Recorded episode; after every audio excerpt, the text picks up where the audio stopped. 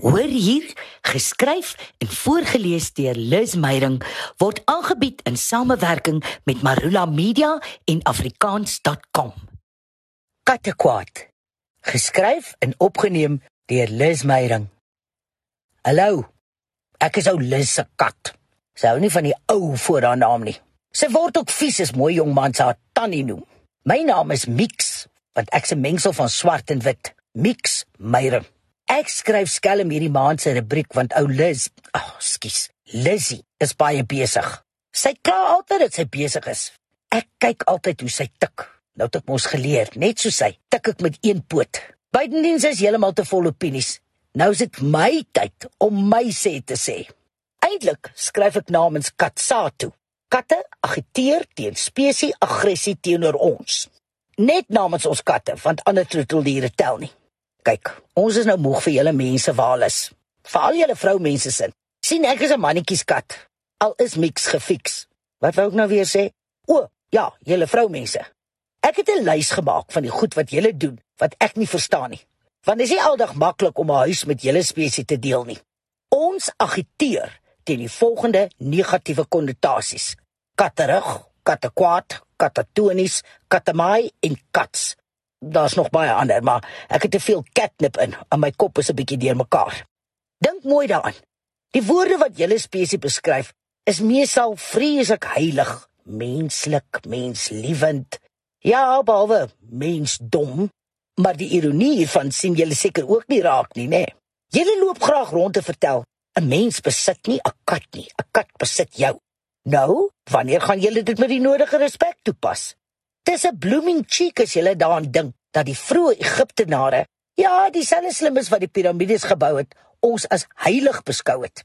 Die eendag as jy vreeslik vertroetelend praat na 'n irriterende hoë stemmetjie met ons herhaal goeters. Wie is die mooiste kitsie? Wie is die mooiste kitsie? En sulke nonsens. En net die volgende dag gil en skree jy sonder rede. En dit gebeur ten minste een keer elke maand. Ons is sensitiewe wesens en die emosionele kat en muis speletjie raak regtig vervelig. As julle sjokoladekoek en die eetkoeldrank vir breakfast kan verorber, hoekom moet ek en my medestertlinge smaaklose veeartsblokkies inwig? Dis nie net die kat kos nie, dis die verpakking. Die katmodelle op die prentjies skep onrealistiese standaarde van skoonheid. Geen normale kat kan so perfek lyk nie. En nog 'n ding. Sou julle dit verdra as ons julle hangpense, breë boude en bleskoppe so openlik bespreek het. Dis in elk geval nie vir ons lekker om na julle nonsenspraatjies te luister nie.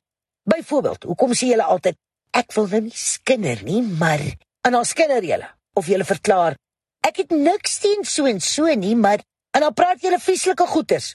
Wie sê ek wil dit aanhoor? Wanneer ek dan opstaan om ergens anders te gaan lê, klik julle julle tonge en bespreek my antisosiale gedrag. Ek word gereeld in geselskap verneder oor 'n glo lui is. Maar as ek die dag 'n muis of 'n dooie duif die huis inbring, dan spring julle op 'n tafel en moet een van die groot voete met die diep stemme dit kom wegvat. En die tirade wat daarna volg, beledigings soos moordenaar, vraat en barbaar word rondgeslinger. Verduidelik asseblief vir my, hoekom die mislike klein muis in populêre kultuur altyd die slim oulike ene is en die kat as 'n dom skelm idioot uitgebeeld word.